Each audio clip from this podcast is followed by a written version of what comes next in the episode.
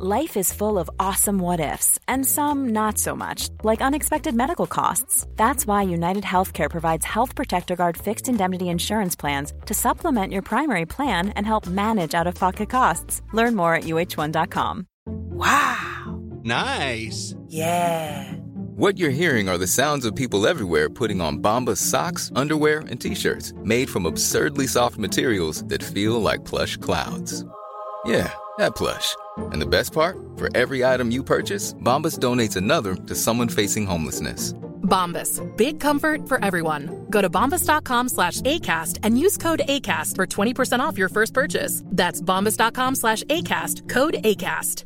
Planning for your next trip? Elevate your travel style with Quince. Quince has all the jet setting essentials you'll want for your next getaway, like European linen, premium luggage options, buttery soft Italian leather bags, and so much more. And it's all priced at 50 to 80% less than similar brands. Plus, Quince only works with factories that use safe and ethical manufacturing practices. Pack your bags with high-quality essentials you'll be wearing for vacations to come with Quince. Go to quince.com slash trip for free shipping and 365-day returns. Veckans sponsor är Telia. Hos Telia samlar man mobil, bredband, IT-support, mobilväxel, allt som gör företagande enkelt. Och det är just det här att samla allt på ett ställe, att ha någon att vända sig till när det inte fungerar, det är Telia. Ett exempel på vad som inte är Telia, det är ju som när jag lyckas boka förmötet för en poddinspelning med Finansinspektionen till efter själva inspelningstillfället. Eller när jag här, här året var liksom, fick för mig att jag skulle börja springa, så jag är liksom ute och springer taggad, träffar en kompis som säger så du Jan, på måndag ska jag springa ett lopp. Och jag känner så här, ja men det låter inspirerande, så jag käkar pasta, jag byter om, tar mig ner till Malmö stadion för att göra en efteranmälan, står där i kön och sen så när jag liksom anmäler mig så tittar de på mig och säger så här, du Jan, vårhuset är bara till för kvinnor. Och eh, det var, det var typisk en situation som inte är Telia. Oavsett, ett stort tack till Telia som sponsrar, gör Rika Tillsammans möjligt, men framför allt tack till dig som lyssnar, följer och eh, hänger med oss varje vecka. Det är därför jag brukar säga att de flesta kommer få ett mycket bättre sparande när de byter till en fondrobot eller en global indexfond. Inte nödvändigtvis för att det kommer överprestera, men för att det är så mycket bättre än många av de konstigheter som väldigt många sparare har i sina portföljer. Du lyssnar på Rika Tillsammans-podden som handlar om allt som är roligt med privatekonomi. I den här podden får du varje vecka ta del av konkreta tips, råd, verktyg och inspiration för att ta ditt sparande och din privatekonomi till nästa nivå på ett enkelt sätt. Vi som gör den här podden heter Jan och Caroline Bolmesson. Idag är det dags för avsnitt 152 och idag tänkte jag att det skulle bli ett lite light-avsnitt. Mm, efter monstren vi har kört. Ja, vi körde ju sånt. Förra veckan körde vi ett monsteravsnitt som var om svensk arvsrätt, livförsäkringar, arvsklasser. Där egentligen den övergripande frågan var så här, har, om jag dör, har du råd att bo kvar? Har du råd att ha kvar den levnadsstandarden som du har? Och då var det inte specifikt du Caroline, utan liksom du som lyssnar eller du som tittar på det. Och det var ju ett två timmars avsnitt med tillhörande bonusavsnitt. Eh, liksom. mm. så, att, så att idag så tänkte jag så att vi ska ha det lite soft och jag har liksom inte ens tagit på mig skjorta idag utan sitter här i min eh, liksom pikétröja, så jag tror att det blir lite bra. Och jag tänkte att det skulle handla om aktieägandet i Sverige. Att det blir lite, lite fakta, lite nörderi. Eh, Okej, okay. vad, vad, får man ut av det förutom fakta då? Alltså detta är lite som eh, så här eh, att läsa Aftonbladet. Det är så här lite nice, det känns lite... Om aktier i Sverige då, om aktieägande ja, i Sverige? Ja, och hur småsparare, hur den genomsnittliga småspararen är, hur mycket de har månadssparar, hur mycket de har mm pengar, hur många fonder. benchmarka sitt eget sparande och se för liksom, ja, lite... ligger jag i fas med resten av svenska befolkningen? Ja. Eller behöver man ens det? Man behöver Nej, inte man behöver det. inte det. Jag tänker att vid något tillfälle så ska vi ha mycket mer exakt. Nu är det så här 70, 80, 90-talisten. Men jag tänker mer så här att det är skönt eh, att man kan eh, man kan känna sig duktig ibland ja, när det vet. kommer fakta på bordet. Ja, precis. Så att, eh, nej, så att det blir lite, det blir lite soft. Det är inte att man behöver liksom hem och prata med sin fru om, eller sin partner om att man kommer dö och hur livet ska vara efteråt, utan nej. detta är en, liksom så här, man behöver inte prata med någon, utan detta är bara så här, luta dig tillbaka eh, och så bara så Njut av fakta. Njut av lite fakta, ja. Mm. ja jag, jag, ibland så kan jag ändå tycka så här, åh, tänk att detta också kan vara roligt när jag satt och dök ner i, i detta. För, att, så här, ja, för mig låter det inte kul just nu, men jag tänker att det är, vi, gör, vi, vi får göra vårt bästa. Så. Ja, du jag... har säkert massvis med härliga anekdoter och, och sånt att lägga till faktan, eller hur Jan? Ja, jag hoppas det. Jag hoppas mm. det. Du, får hjälp, du, får, du, får hjälp, du får göra det avsnittet spännande. Mm. Men, men jag tänker så här i slutet eh, av eh, år, eller så här i den här perioden, typ så här mars, april, maj, så brukar alla så här rapporter komma från för det föregående året, för då har liksom alla hunnit sammanställa all... Eh, Hur det har gått ekonomiskt. Ja, och lite så här statistik. Och då, i Sverige så har vi ett företag som heter Euroclear och Euroclear är de som håller koll på de flesta, inte alla, men de flesta företags aktieägare. Så när man vill liksom så här, vem äger vilka bolag så är det Euroclear som har det registret. Och de släpper varje år en rapport som heter då Aktieägandet i Sverige eh, liksom 2019. Och de släppte den här rapporten för några veckor sedan och jag har liksom kollat på det, men vi har inte hunnit prata om det för det har varit Nej. corona och det har varit massa andra avsnitt. Så tänkte jag så här att idag efter det här. Ja, men låt oss ta det. Så, så mm. tittar vi på det. Så att källan till halva avsnittet är Euroclears rapport som man kan ladda ner på deras hemsida, så detta är inget vi har hittat på själva.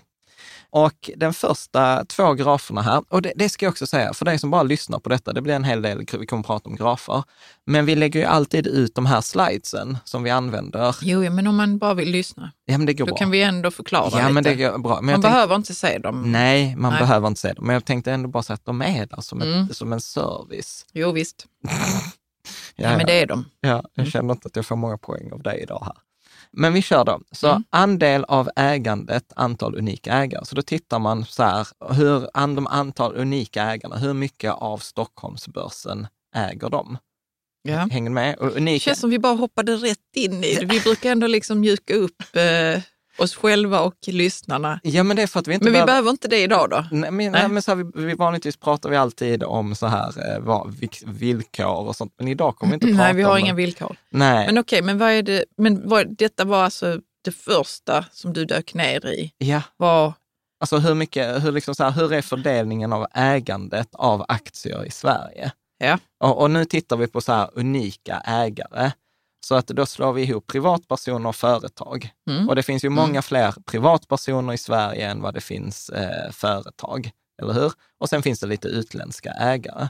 Mm. Och jag tycker detta är ganska spännande, för att om man tittar på unika individer i det här registret, så 85 procent av alla liksom unika personer i det här registret är då privatpersoner, nästan 86 procent. Eh, 12 procent, alltså 12 av 100 ägare på Stockholmsbörsen är då utländska och 2,3 procent är då juridiska personer, alltså är företag. Ja. Makes sense. Så två av hundra... Kan jag inte tänka mig att politiker är intresserade av den här fördelningen. Ja. Att man vill se så vad, hur många utländska ägare finns det? Ja. Är men, du med? Eller jag hade varit intresserad av det om jag hade styrt Sverige. Ja, men absolut. Det var ju en sån här, eh, liksom så här, ja, nu har vi redan hamnat i sidospåret. Ja. Men det var ju en sån här lång diskussion om huruvida man skulle nu i coronakrisen rädda svenska företag som går dåligt. Att man pratar ju så här, ja men varför ska vinsterna tillfalla ägarna men förlusterna liksom tillfalla skattebetalarna? Ja. Varför ska de liksom rädda svenska företag? Men då var det till exempel, jag tror bloggaren Cornucopia eh, skrev att Jo, men vad som händer till exempel nu när värdet på svenska företag faller, då blir ju de intressanta särskilt för att liksom köpa i andra länder, som till exempel kinesiska staten. Och har vi då ett intresse av att till exempel kinesiska staten går in och köper svenska företag för en billig spottstyver, att, och då tänker jag att då är det bättre till exempel att svenska staten äger bolagen än att kinesiska ja, staten äger, äger den. Mm. Så att det är liksom aldrig så enkelt att man kan säga så här, men låt företaget gå konkurs eller låt eh, marknaden styra. Nej, för det finns andra, andra, intressen, andra ja. hänsyn ja. Att, eh, att, ta i alla fall. Mm. Så att, eh, ja. Men min poäng här är inte så intressant att det är liksom 86 av 100 unika liksom, personer i det här registret är privatpersoner. Det intressanta blir när man då tittar så hur mycket äger de här? Så de Ja. här privat, av värdet på då Stockholmsbörsen, så ägs bara 12 procent av privatpersoner. Är du med? Vänta, vi, först tittade vi på Antalet unika ägare antal unika ägare av aktier i, i, Sverige. i Sverige. Ja. Och sen så tittar Tittar vi, vi på, på, så de här unika ägarna, hur stor andel av det totala värdet äger Ja, ja. Så Mm. att eh, om, vi hade, om vi hade sagt att vi leker att detta är 100 personer, som, eh, liksom, och det är det både juridiska liksom, företag, utländska företag och svenska privatpersoner. Så det är 86 av 100 är svenska privatpersoner, 12 av 100 är eh, utländska företag och sen typ 2 av 100 är svenska företag. Mm. Är med? Så så ser fördelningen ut. Men om vi tittar hur mycket äger de här 86 personerna, så är det bara Ja. 12 procent. ja, Är med? vi är inte så rika vi är Nej, utan det är en väldigt, väldigt liten del. Och detta är det jag menar som att när man då, vad, vad, vad har detta för betydelse? Jo, för att när du då köper en aktie så är sannolikheten stor att du köper den av eh, svenska juridiska, alltså svenska företag, du vet nästan Mm. 48 procent, eller utländska företag äger 40 procent av den svenska börsvärdet. Ja. Så att när, ofta tror man ju att när man handlar på Avanza eller Nordnet, då köper jag av en annan privatperson. Men här i Sannolikheten är att det det. Sannolikheten är det som 9 av 10 kronor ägs av företag eh, och dessutom fyra av de här 10 kronorna ägs av utländska företag. Då kan man ju Ja. utgå från att detta är ju proffs som Mm. håller på med detta. Så att det är en stor sannolikhet att du handlar med proffs snarare än du, du handlar om en annan småsparare. Men spelar det någon roll egentligen vem jag Nej, men- handlar av? nej, det egentligen spelar- inte. Egentligen inte, men det är det som vi har pratat om i andra avsnitt, på avsnitt 145, att börsen är ju inte en rättvis marknad. Nej. Alltså i fotboll så fattar man att man har Champions League och sen har man det lokala korplaget. De kommer aldrig spela en tävlingsmatch. Men på börsen så, så möts liksom Barcelona, liksom jag kan spela mot Messi eh, i, i fotboll och det är helt okej. liksom. Så att jag menar Ja. att man har, man, man har liksom, det är inte en rättvis marknad. Det är det som är min poäng. Man kan inte dra den slutsatsen från den här grafen, men jag tyckte ändå det var intressant att säga liksom att man tror att det är så mycket privatpersoner, men de är en försvinnande liten andel. Och tittar vi i antal personer, så i Sverige, vad, är det vi har? Typ 10 miljoner Mm. an, eh, användare. 10 miljoner eh, personer i svenska befolkningen. Och då är det alltså mindre än, alltså det är typ 1,5 miljoner svenskar som äger aktier. Så det där kan man ju också tro, typ att ja, men alla man känner sparar ju aktier och har konto på Avanza eller så här. Men då ska man ju komma ihåg att alltså efter, jag tror Avanza har hållit på i över 20 år. Jag tror jag hade mitt första Avanza-konto på eh, typ 97 eller något- något sådant om jag inte minns helt fel. Så att de har ju hållit på över 20 år, men de har fortfarande bara typ en miljon kunder. Ja. Och detta visar sig, och detta här inkluderar ju Avanzas kunder, eh, liksom Nordnets kunder, eh, storbankernas kunder etc. Så att jag vet inte om du tyckte att det var mycket eller... Jag tycker det är lite. ja. Jag fattar inte varför det inte är fler som sparar i aktier. Eller ja, för att eh, för de på flesta... något att vis är- liksom har köpt någon aktieindexfond. eller ja, något. ja, nej men precis. Alltså, och det tror jag handlar... Samtidigt så vet vi ju, förlåt att jag avbryter dig, många tycker det är svårt med ekonomi. Ja, Mm. ja, precis. Så att det där är också lite reality check, att när man tror att alla håller på med någonting, så nej, man har ofta en ganska sned bild av Mm. vem som håller på med, med vad. Ja. Det, det var ju typ som, vi har ju tagit upp den historien, tror jag någon gång, när du, när du var frustrerad och du doktorerade. Och så, Jag hade doktorerat och vi hade, vi hade ett, ett jättebra liv och vi hade varit på Noma, världens bästa restaurang, ja, då. då. Och så skulle vi dit igen med massa andra människor och det var liksom... eh, Och jag, och jag kände mig ganska så misslyckad i mitt liv. För att Ja. jag gick ju min ökenvandring efter doktorerandet och hade inget jobb och ville jobba med något som inte fanns och så. Ja. Och så gick vi där på ICA och så bara kändes det som alla var så jävla framgångsrika men jag var inte det. Och jag bara utbrast. Fan, alla här har doktorerat, alla här har varit på Noma. Så jävla otacksamt. Ja. Men, Men, det när var, jag hörde mig själv säga det så förstod jag varför jag kände mig eh, oframgångsrik. Därför att jag hade en sån snäv vinkling på vad som är framgång egentligen. Eller vad som är vad man kan vara tacksam över. ja. Och vem man så då började jag med. bli tacksam för saker på ett annat sätt i Ja. mitt liv än Ja. jag hade varit innan. Och, och framförallt vem man jämför sig med. Och vad man jämför, ja vi pratade ju också om det sen, det var en annan grej kring hela, hela den diskussionen. Ja. Att då umgicks vi med ganska många som hade doktorerat. Som hade doktorerat eller skulle doktorera och vi umgicks med folk som vi tyckte det var trevligt med, med att, att testa gränserna med mat och sånt. Och, Mm. Vilket umgänge har man? Liksom? Vad, Mm. vem, och, och det är mycket, mycket ligger i det med ens egen lycka tror jag. Mm. Eller vad man tror att andra håller på med. Hur, Ja. hur mycket bättre andra har det. Ja. Men detta är ju spännande, för detta var ju det vi pratade med Moa när hon var här också Mm. ett, av- ett av de här avsnitten i början av 2020. Att jag tror att den heter, avsnittet heter Tänk om livet kunde kännas lika bra som det faktiskt är. Ja. Där, där man tänker många gånger att en person som jag borde, alltså en person som jag borde spela golf, eller en person som jag borde, vi borde ha en Tesla. Vi borde inte ha en V70 från 2009. Liksom. Och så börjar man ta massa beslut baserat på vad någon annan tycker. Liksom. eller vad man tror att- Eller vad man tror att andra tycker. Jag och andra har ingen åsikt om, men Ja. oftast inte. Nej, precis. De andra är mest upptagna med att veta så här, vad har, vad har, är- andra, vad nej, vad har andra för åsikt om mig? Mm. Men- ingen bryr sig. Nej, precis. Men det intressanta här kan man ju också säga att aktieägandet har ju sjunkit. Eh, liksom, nu har det ökat. Har de det sjunkit sen, 20, vad har det, 2009? Ja, så har det sjunk, sjunkit från kanske 21 till 18 procent. Sen, så den största ökningen bland aktieägarna eh, har jag, vad jag tror jag har så svagt minne, ökar bland unga människor, vilket är ganska kul. Men jag tror att det där hänger också ihop med, vi som vi pratade om i något avsnitt, att eh, den generationen som är nu, eh, då till exempel mm, eh, vi, jag då, 80, 70, 80, 90-talister, att vi har ju upplevt ganska tuffa tider. Alltså vi, vi, liksom, vi, var ju 20 när vi skulle ut på arbetsmarknaden, när eh, vi hade IT-bubblan och sen kom Mm. finanskrisen och nu har vi hela coronakrisen. Så att där finns ju ett, det är ju därför hela den här FIRE-rörelsen, Financial Independent Retire Early, att Mm, att man man, vill inser- vara oberoende av vad som sker ute i världen, man ska klara sig ändå. Ja, precis. Så att på det sättet kan det ju vara ganska bra att aktieägandet kanske förhoppningsvis är på väg att öka. Ja. Liksom. Så att, jag tyckte också detta var spännande, liksom att säga hur många är det som faktiskt äger eh, aktier? Och om vi tittar på nästa grej, eh, nästa då, så handlar det om könsfördelningen mellan då svenska privatpersoner, då mellan män och kvinnor. Som äger aktier. Ja, Mm. och då är det 60 procent män, 40 procent kvinnor. Så Mm. där är fler män som äger aktier i förhållande till än vad det är kvinnor.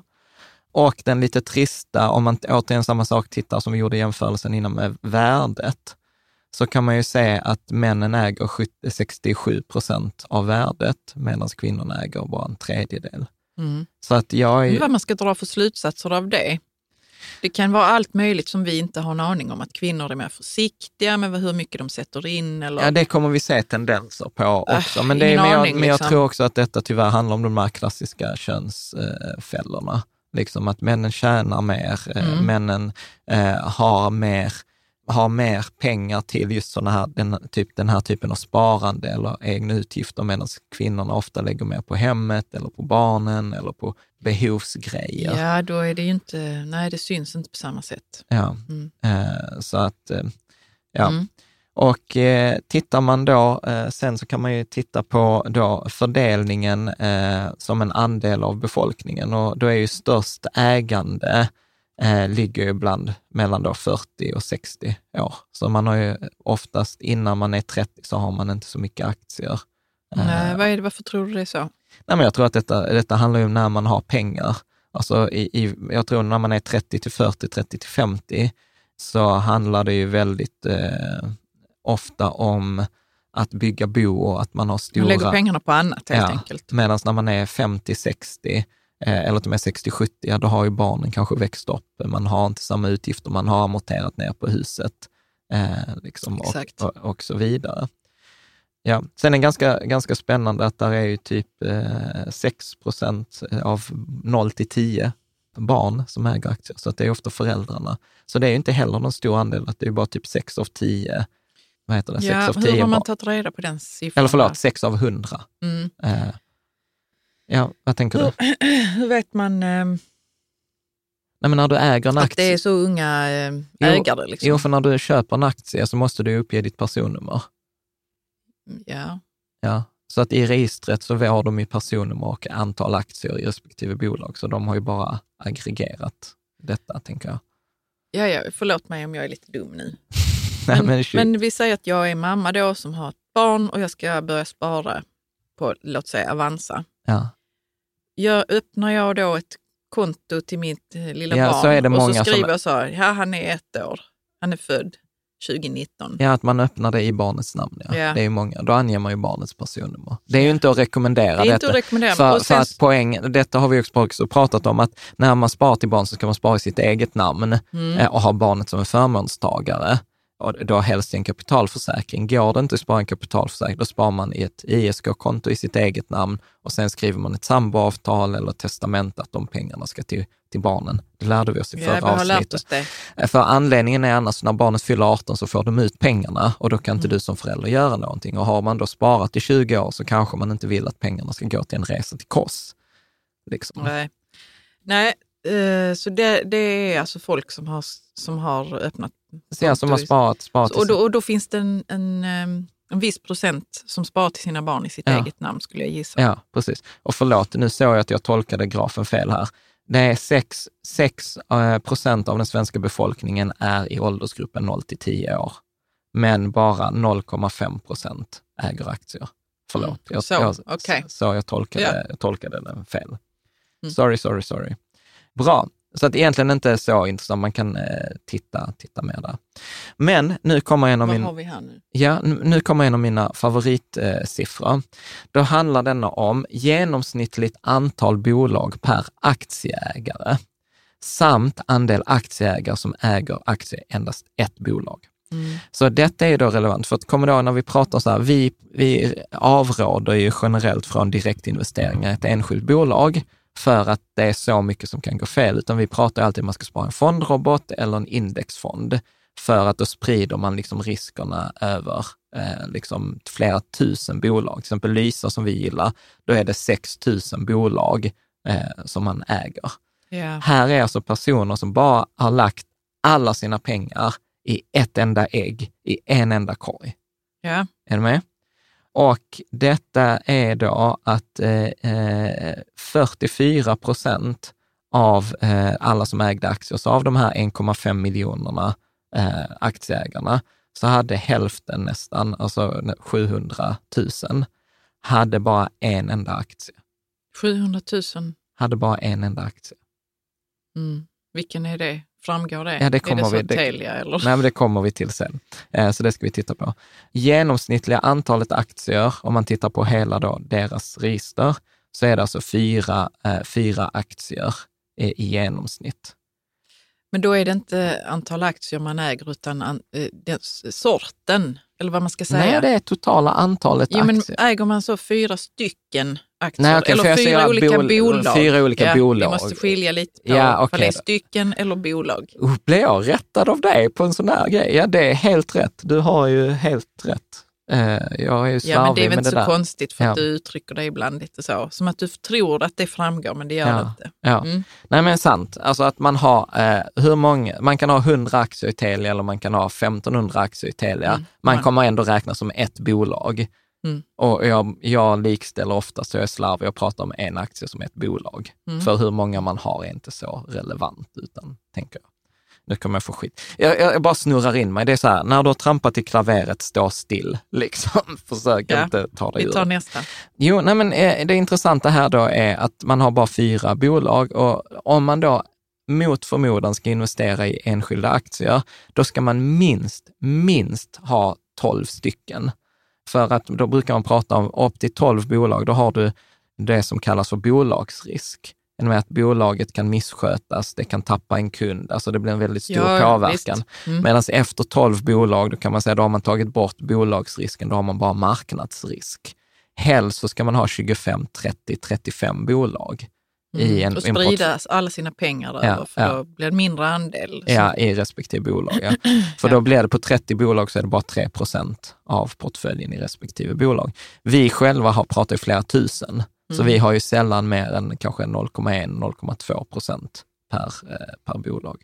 Mm. Så att för, för mig, tolkningen av detta är ju att detta är katastrofalt. Alltså detta är ju skitdåligt. Alltså de Ja, men flesta det är farligt har en... för ens pengar, man säger så. Jättefarligt. Och sen vi kommer titta i nästa slide så kommer vi titta på eh, vilka, eller inte nästa slide, men strax Vilka kommer bolag vilka bolag det är också. rör sig om. Och då kan Mm. man också, man, så här, du kommer bli mörkrädd. Eller, så- eller så här, när jag ser det så blir jag Så mörkrädd. är det så, fingerprint eller Ja, men sånt. ish, ish. Typ. Eh, Och om alltså, man då, om, nu ska jag bli lite skadeglad, om man då eh, tänker att det är rätt många män som äger. vi ska titta på exakt vad män äger och vad kvinnor äger. Vi låt oss göra det. Ja, men du får hålla dig lite till tåls, för jag tänkte Ja. att vi ska titta på lite andra Mm. grejer först. Avanza publicerar ju eh, lite så spännande statistik från tid till annan. Eh, så om vi då, Eh, då har de eh, senaste siffrorna de släppte i slutet av 2019, då delar de upp så här, detta är hur så här sparar skåningarna, så här sparar stockholmarna, så här sparar göteborgarna. Eh, de hade ingen rikssnitt, så att, men det, de var ungefär lika, så man kan anta att detta är liksom likt för hela, hela landet. Och då, var det, då har de en miljon kunder, återigen, som vi pratade om. Så 23, 230 000 av de här en miljon kunderna har bara en enda aktie. Är du med? En enda, ett enda bolag. Ett, ett enda bolag. Ja. Och eh, sen eh, ytterligare 230 000 har två till tre bolag. Och räknar vi då in eh, även fyra till sex bolag, ja då är vi nästan att 60-70 procent av alla totalsparare har mindre än sex bolag i Ja. sitt sparande. Ja. Eh, bara 16 procent har mer än de 12 bolag som man ska ha. Mm. Är ni med? Mm. Så att återigen, alltså, och det är detta som jag menar, att de flesta har ett ganska dåligt sparande. Det är därför jag säger att, när, när, eh, att de flesta får ett bättre sparande genom att välja en fondrobot eller en global indexfond. Inte för att det nödvändigtvis är så mycket bättre eller kommer överprestera, för det kommer det inte. Men jämfört med den skiten som man ofta har i sina portföljer, eller som den genomsnittliga spararen har i sin portfölj, så, så är det en drastisk förbättring. Vad, eh, vad, vad, vad jämförde du med när du sa inte för att det kommer att överprestera? Jo, Vad jämförde du då med? Nej, men att, att ibland så, så är det många experter som säger om du väljer det så kommer det gå mycket bättre än alla andra för du kommer vara bäst. Vi pratar ju aldrig om att vara bäst. Vi säger så här, Nej, det nej. går inte att vara Mm. bäst över tid, utan vi pratar så här, för oss är good enough att vara som genomsnittet. Att, eh, som vi, börsen går som börsen år. går, ja. Cirka 7 procent Ja, plus. ja. Inte varje enskilt år, men Nej. över, över en lång, Över en lång, lång period, tidsperiod. om man slår ut Ja. det. Och Mm. därför menar jag, och en stor anledning till varför många får ett bättre sparande med en indexfond eller en fondrobot är för att förbättringen blir mot det, att det dåliga alternativet de hade innan, än att de hade ett bra alternativ och valde ett ännu bättre. Ja. Förstår du? Mm. Ja. Sen, eh, Euroclear jobbar ju bara med aktier, så de säger ju inget om fonder, men eh, Avanza har ju då släppt eh, eh fakta även hur många fonder de har. Så eh, den genomsnittliga skåningen har, eh, 40 procent av skåningarna har bara en till två fonder. Och eh, har, tittar vi på tre, fyra fonder, ja då är det nästan samma sak där, 60 procent, 57 procent av alla skåningar, vilket kan då extrapoleras till alla svenskar. Så typ 50 procent har mindre än fyra fonder i sitt sparande, vilket för mig också är eh, en varningsklocka. Sen är det mycket, mycket, mycket, mycket bättre att ha fyra fonder än att ha fyra aktier, Ja. för du har fått en stor riskspridning där. Men man kan ju undra också, vilka är de här fyra fonderna? Mm. Eh, liksom. Sen vet jag att det är vissa av våra läsare som är väldigt duktiga som kan säga så här, ja men du vet om man väljer liksom till exempel Avanza Global och en bra räntefond, då har man ett bra sparande med bara två fonder. Och det är sant, men så tror jag inte att de flesta har. Nej, det tror inte liksom. jag heller. Eh, så att alla, alla regler har liksom ett, ett undantag. Men hur är det med belopp då? Ja, men det är precis det vi skulle titta på nu. Så om vi tittar på den genomsnittliga stockholmaren, så är det en 39-årig man, eh, som vi pratade precis innan att det är mellan då 40 och 60 som det är mest. Då är, och detta är intressant, då har den genomsnittliga stockholmaren ett kapital på 565 000. Ja. Men medianen är 60 000. Och låt oss nu bara skilja på medelvärde och medianen. Ja, exakt. Så genomsnittet är 565 000 och medianen är 60 000. Det betyder att medianen som är det mittersta värdet. Ja, om så man skulle vi, slå ut alla de här vi tar, stockholmarna. Så om vi tar alla stockholmare, skulle ställt dem i rad, vi säger att de är hundra stycken, så kommer kanske den, den första kommer ha typ noll, har bara ett nyöppnat konto, medan den hundrade kommer kanske ha flera miljoner. Och då kommer man då titta på den femtionde personen. Vad har den i sin portfölj? Och då konstaterar man att den har typ 60 000. Mm. Är du med? Den genomsnittliga, eh, genomsnittet blir alltid fel när man jämför förmögenhet. För att finns det då några som har så stora, stora värden så kommer de dra upp snittet för alla. Ja, så man slår ihop eh, allas eh, ja. vad ska man säga, belopp, pengar som man sparar. Ja. Och sen delar, delar, man med hundra. På, antalet. Ja. ja. Och då får man ju... Fel, liksom. Ett genomsnitt som inte, som... Som inte är representativt. Alltså Nej, som inte är representativt. Var, jag tror att det var någon som skrev så här, ja men om det står en hink med liksom eh, nollgradigt vatten som håller på att frysa och så står det med den andra foten i en hink med kokande vatten, så kommer du i genomsnitt ha det ganska okej okay på 50 grader. Men mm, det, är ju inte så, inte. det kommer ju inte vara så. Nej. Eller hur? Mm. Så att det är därför, det är, därför är, är medianen är mycket mer intressant. Om jag ska jäm, apropå det vi pratade om om man ska jämföra sig med någon, så är du 39 år gammal stockholmare, jämför dig med 60 000 kronor snarare än att jämföra dig med 565 000 kronor. Mm. Och när du jämför dig med någon som har 60 000 kronor, återigen, då jämför du dig inte med alla stockholmare, utan bara de stockholmare som är på Avanza, ja. vilket är 10 procent av alla stockholmare. Eh, alltså, och detta är viktigt. Var det både män och kvinnor här nu? Eller var det? Ja, det var bara, ja. både män och mm. kvinnor. Mm. Och, och detta är också intressant, för nu tänker man ju så här att alla svenskar har 60 000 kronor. Jag vet inte om det mm. faller för... Jo, jo, visst kan man tro det. Ja, men, men så det... är det ju inte. Utan tittar vi på hela befolkningen så släppte SCB e en sån här, eller Svea Ekonomi släppte en rapport 2019 som var så här att eh, jag tror det var 30 procent av Sveriges befolkning har inte 5 000 kronor till en oförutsedd utgift. Mm. Och halva Sveriges befolkning har inte totalt 50 000 kronor finansiella tillgångar. Yeah. Så att det gäller också så här, återigen, att, att eh, om vi har 100 personer i Stockholm, så är det bara 10 av dem som har konto på Avanza. Och av de 10 personerna som har konto på Avanza, så är medianen av de 10 personerna 60 000 kronor. Mm. Så att det är egentligen, du jämför dig med de fem rikaste i, fem procenten rikaste i Stockholm när du jämför dig med den här siffran. Så viktigt, viktigt att komma ihåg. Så ja. Sverige är ett rikt land med en fattig befolkning. De flesta kämpar jättemycket för att mm. få ihop sin ekonomi, särskilt nu under, under coronatider. Mm. Så att jag tror att det är viktigt, viktigt, viktigt att komma, komma ihåg eh, det där. Ja, det var mitt ja, lilla det som, jag för, det som jag får tankar kring det är att det är alltid värt att lägga undan lite pengar. Ja, ja, ja. Gud ja. Att det, uh, I och med att det är så många som inte har ja. lagt undan pengar så, så tänker jag så här, men det är värt att bara lägga undan vet, en hundralapp i månaden. Om ja. man kan, ja, och det kan de flesta. Ja, ja, vi gjorde ju det Annars när vi var studenter också. Ju. Ja. Alltså där är det så här med sparande, det, det viktigaste är ju vanan. Det viktigaste vanan, är vanan att börja spara. Har du inte vanan när du är student så kommer du inte ha vanan när du har mer pengar heller. Nej. Det är en vana. Mm. Eh, är, man lite, är man lite ledsen att man inte når upp till medianen på 60 000 kronor så kan man jämföra med göteborgaren eller skåningen istället. För mm. göteborgaren och skåningen är fattigare än, än stockholmaren. Utan medianen i Göteborg ligger på 40, 40 843 kronor eller 41 000 och i Malmö så ligger det på 46 000. Ja. Så att vi ser också en ganska stor skillnad på medianerna mellan Stockholm på 60 000, Göteborg på 41 000 och Skåne på 46 000. Mm. Så att jag tyck, tror att det är ganska rimligt att säga att någonstans eh, medianen är ju kanske på runt 45 50 000 kronor. Ja. Vilket är ganska rimligt. Genomsnittet i Skåne är 410 000 och genomsnittet i Göteborg är 325 000. Mm. Jag vet inte om det var intressant. Jag tycker sånt här är ganska, alltså få, lite, få lite reality eh, check. Mm. Om vi bryt, istället bryter ner det per eh, eh, decennium, alltså då per genera, generation är väl 25 år.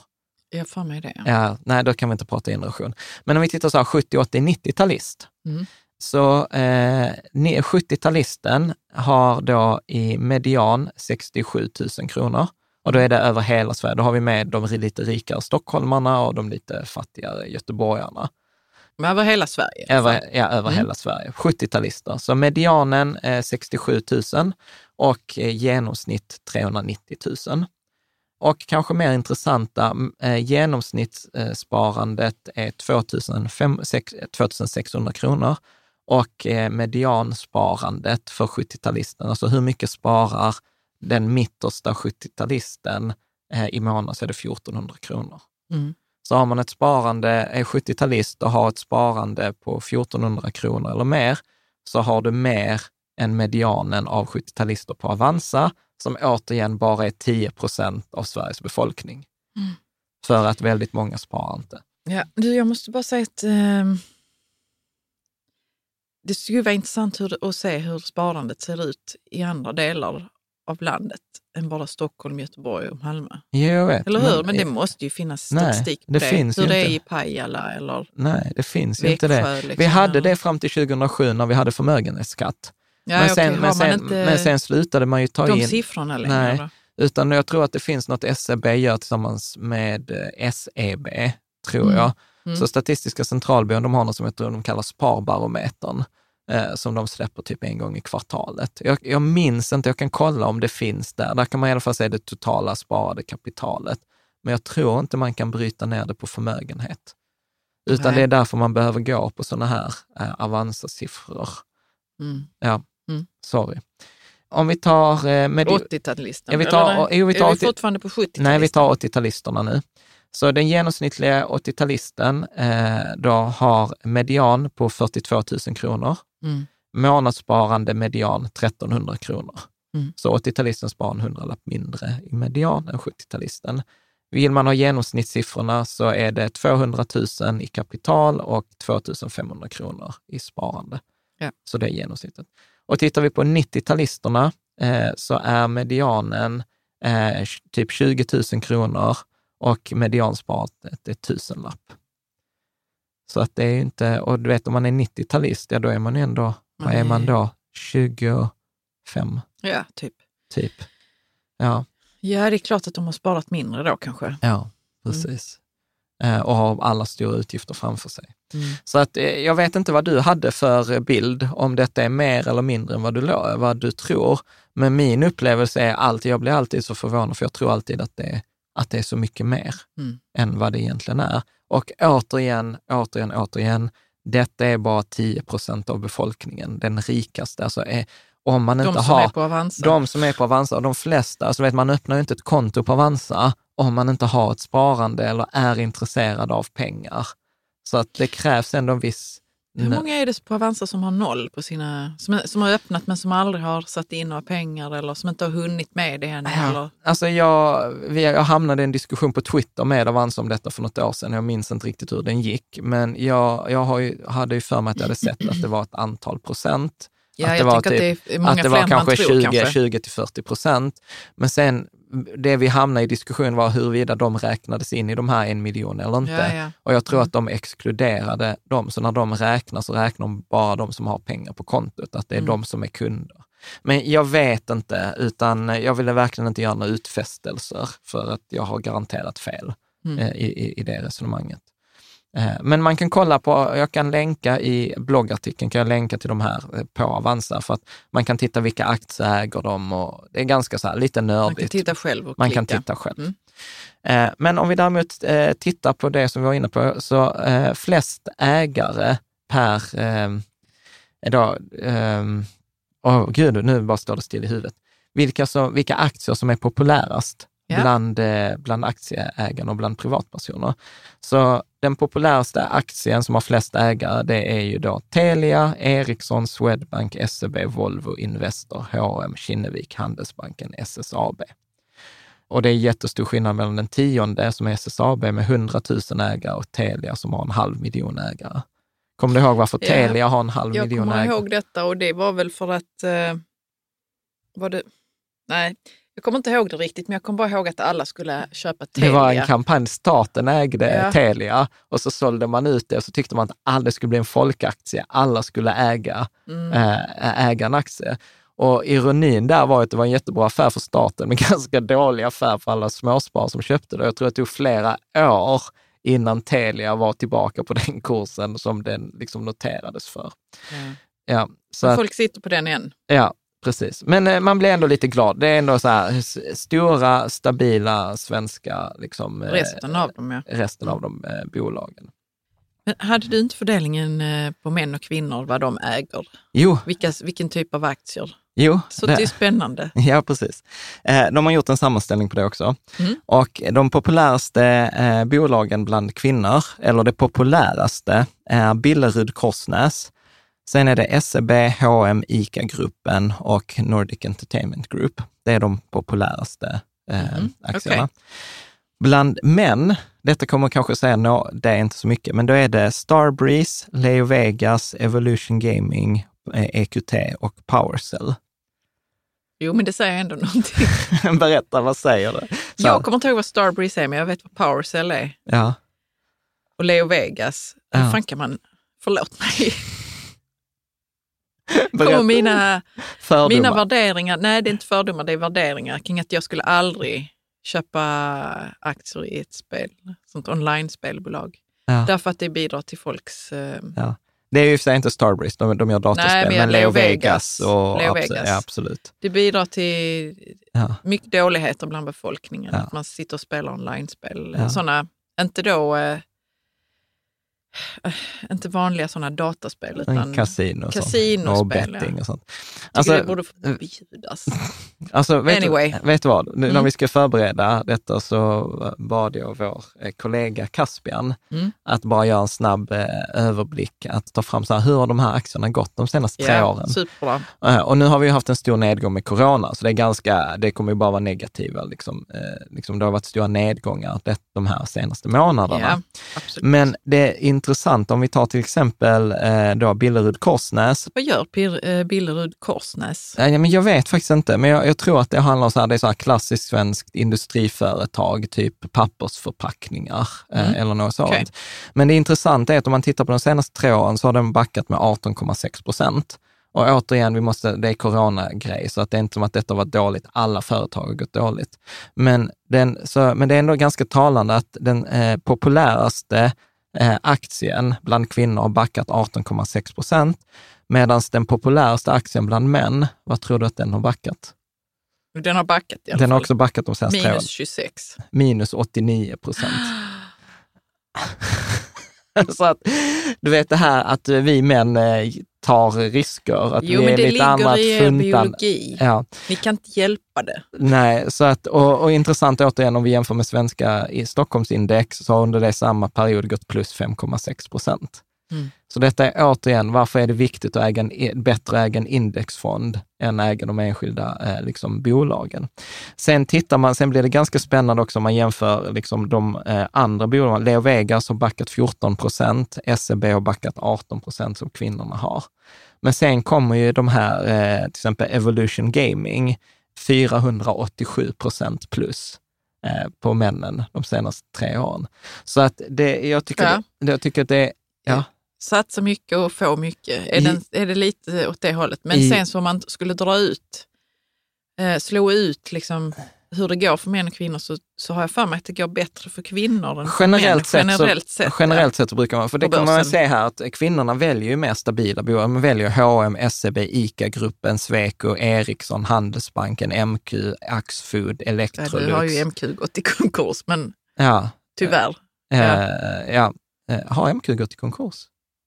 Var det Ja. MQ? Jaså? Ja, Det det, visste det. inte jag. Men, men eh, som sagt, Med, medans liksom det är, inte, det är inte sexiga bolag. Nej. Det är det inte. Nej. Man ska bara hårdra det. Nej, precis. Utan man, jag skulle ju säga att risken är mycket högre. Potentialen är mycket högre i de bolag som männen väljer, men också fallhöjden är mycket mer, Mm. eh, högre. Och tittar man då, den här studien tror jag från Long Term Asset Management från 2016, eller, så är det ju så att två av tre aktier du väljer kommer gå sämre än index. Och de aktierna som männen väljer här, frågan är liksom om den här uppgången på 487 procent kan ta ut liksom förlusten på 90 procent i Starbreeze. Ja. Ja, liksom, för att vi kommer ihåg att en förlust på 90 procent kräver uppgång på 900 procent. Ja.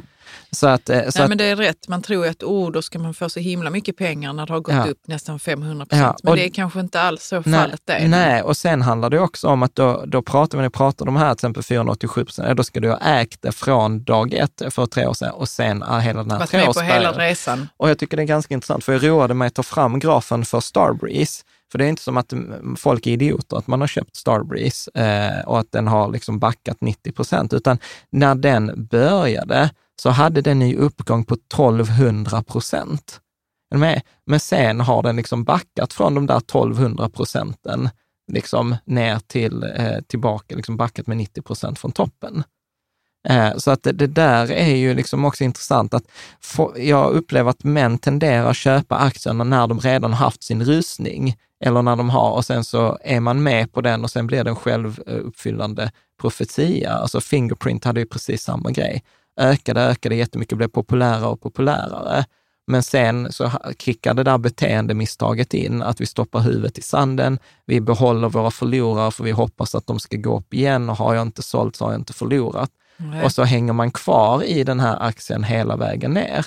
Bitcoin var samma sak. Var många som sa, ah, jag har tjänat jättemycket pengar på bitcoin. Ja, men de sålde ju aldrig. Utan bitcoin var en sån här typisk grej, liksom så här, du ska hålla dig oavsett vad som händer.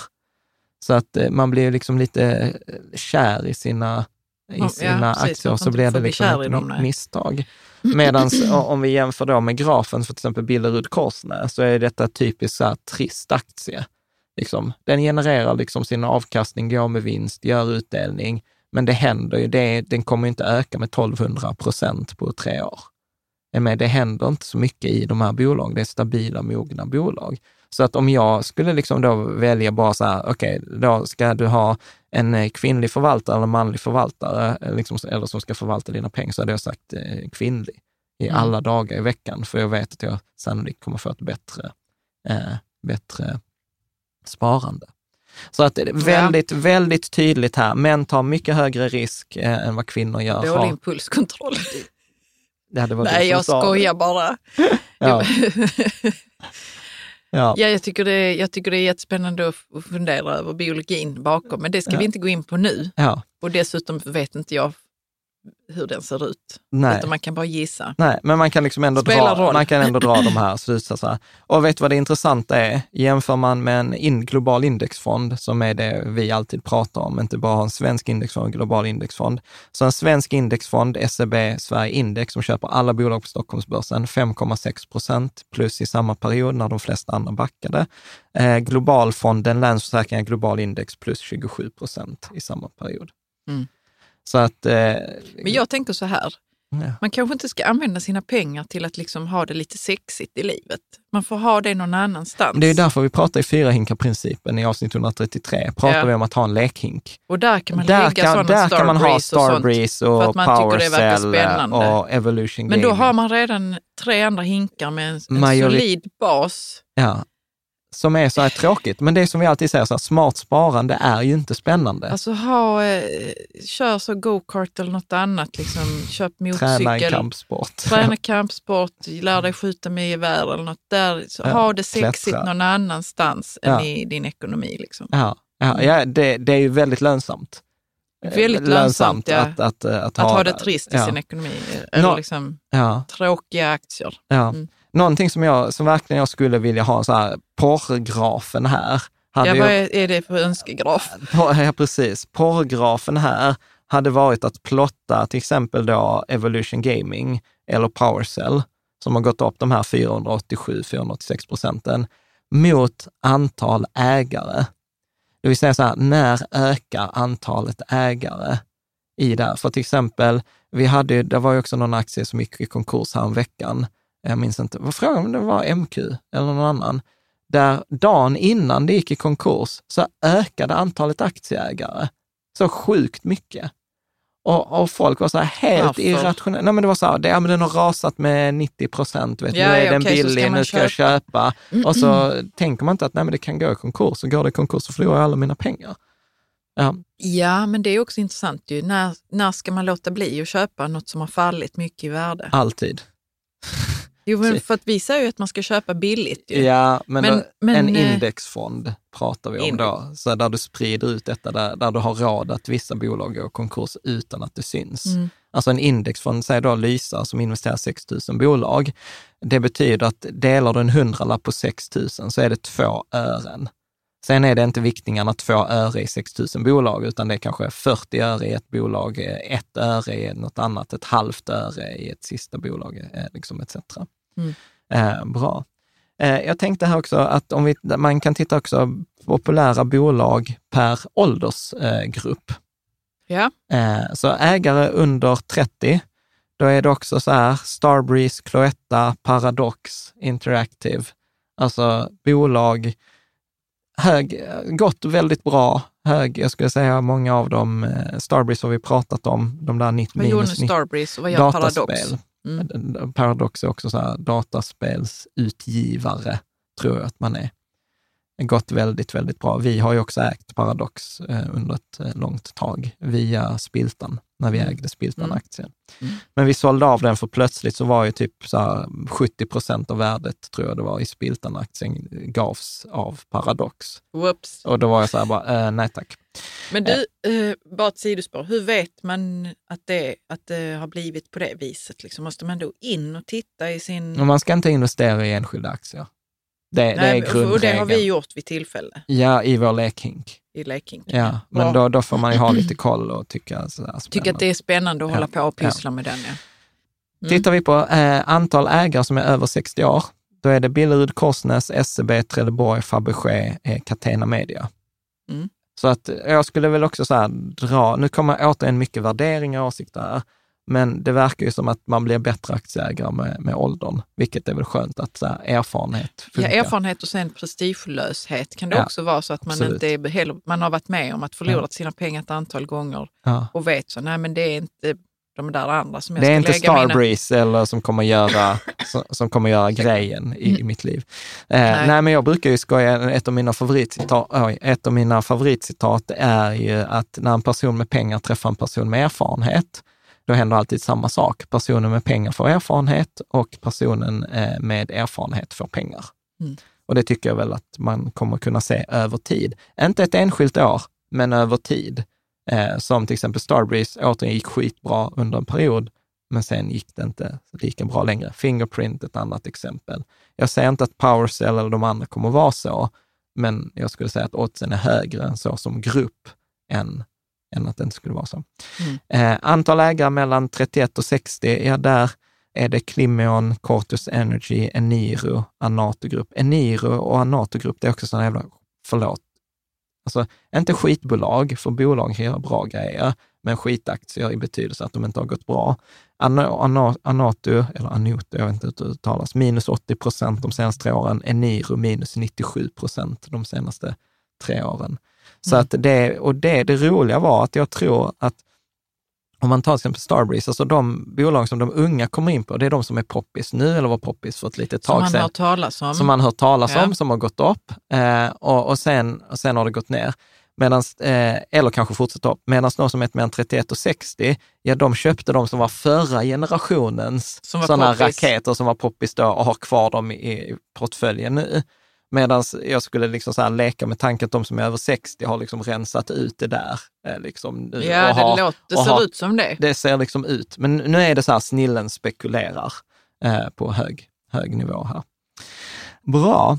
Du, vet vad, jag tänkte egentligen att vi skulle gå igenom en rapport till, för jag var liksom så här rädd att detta skulle liksom inte räcka. Eh, men jag tänker att vi sparar då Dalbar-rapporten.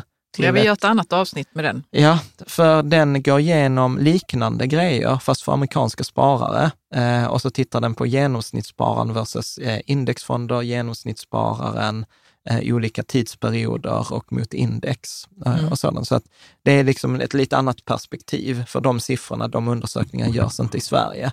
Så då får man titta på amerikanska. Eh, Blir det nästa avsnitt då kanske? Är Ja. det så att vi kan tisa med det? Ja, det, jag är inte säker på att det blir nästa avsnitt. Det är kanske lite mycket att köra två sådana här avsnitt på rad. Jag tänker men- nästan men- att, det, att ehm, då har man chansen att jämföra lite. Ja, Sverige vi får, och Amerika. Vi, ja, vi får se om det blir nästa, Ja. nästa avsnitt. Det är lite så här, jag är väldigt inspirationsstyrd med Mm. de här eh, avsnitten. Men jag tänker så här, med tanke på att förra avsnittet var en timme 50 minuter, så tänker jag att vi håller här, så är vi Ja. på under en timme. Så att, Mm. tack för denna eh, veckan. Eh, och verkligen, har du, inte, har du inte lyssnat eller tittat på det förra avsnittet som handlar om livförsäkringar och eh, Testamente testament och arvsrätt och egentligen frågan så här, om du skulle gå bort, har dina efterlevande kvar, möjligheten att ha kvar sin levnadsstandard, kunna bo kvar i huset? Titta på, ta de två timmarna, för att de två timmarna kan vara så sjukt väl investerade om man tittar på de konsekvenser, som, som vi konstaterar, de allvarliga konsekvenserna kan bli av att inte ha koll på vem som ärver eller Ja, hur för det kan vara mer komplext än man tror i ens familj. Ja, Mm. precis. Och sen vill jag också säga att på Patreon, så Patreon är ju vår community för de som Mm. vill lite, lite mer, som vi arrangerar digitala after work, så vi lägger ut lite extra material och tips. Men med förra avsnittet, vet du vad jag har roat mig med sen sist? Och vi Nej, pratade om det. Jo, jag har gjort ett flödesschema där man kan liksom så här följa, så här, har du barn, är du gift, lever dina föräldrar, ja eller nej? Så kan man helt och hållet lista ut, vem är det som ärver dig? Mm. Eh, Jag vet inte varför jag höll på med det, men- jag var så här, Jo, men det är väl jättebra om man kan göra en ordentlig sån, Ja. ett sånt flödesschema. Du har gjort ett, ett flödesschema Jag har som gjort är ett- liksom... Ja, som är så här, ingenjören i mig var så här, men detta måste man ju kunna rita upp, vem som är. Ja. Det är inte Ja. oändligt med möjligheter. Så jag roade mig eh, ett antal timmar med att sätta ihop ett sånt. Och det flödesschemat har jag lagt ut på Patreon Mm. för våra Patreon-medlemmar. Så är du Patreon-medlem, du är en del i vår community, gå in där, logga in och titta och bara gå igenom så att det blir så som du har trott. Och för dig som inte är med på Patreon, så testa. Vi älskar liksom Patreon-communityn för att man bestämmer själv sin engagemangsnivå.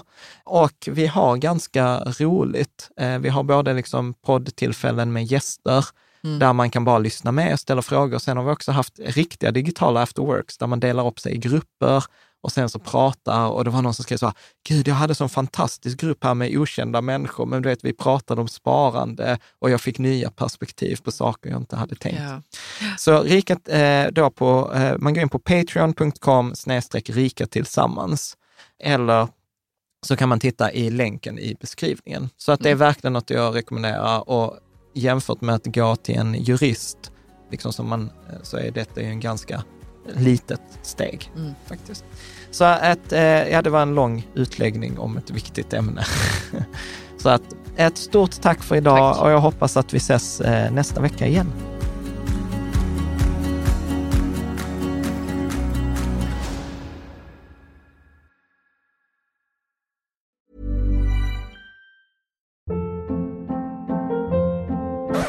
Up. What was that? Boring. No flavor. That was as bad as those leftovers you ate all week. Kiki Palmer here, and it's time to say hello to something fresh and guilt-free. Hello Fresh. Jazz up dinner with pecan-crusted chicken or garlic butter shrimp scampi. Now that's music to my mouth. Hello Fresh. Let's get this dinner party started. Discover all the delicious possibilities at hellofresh.com.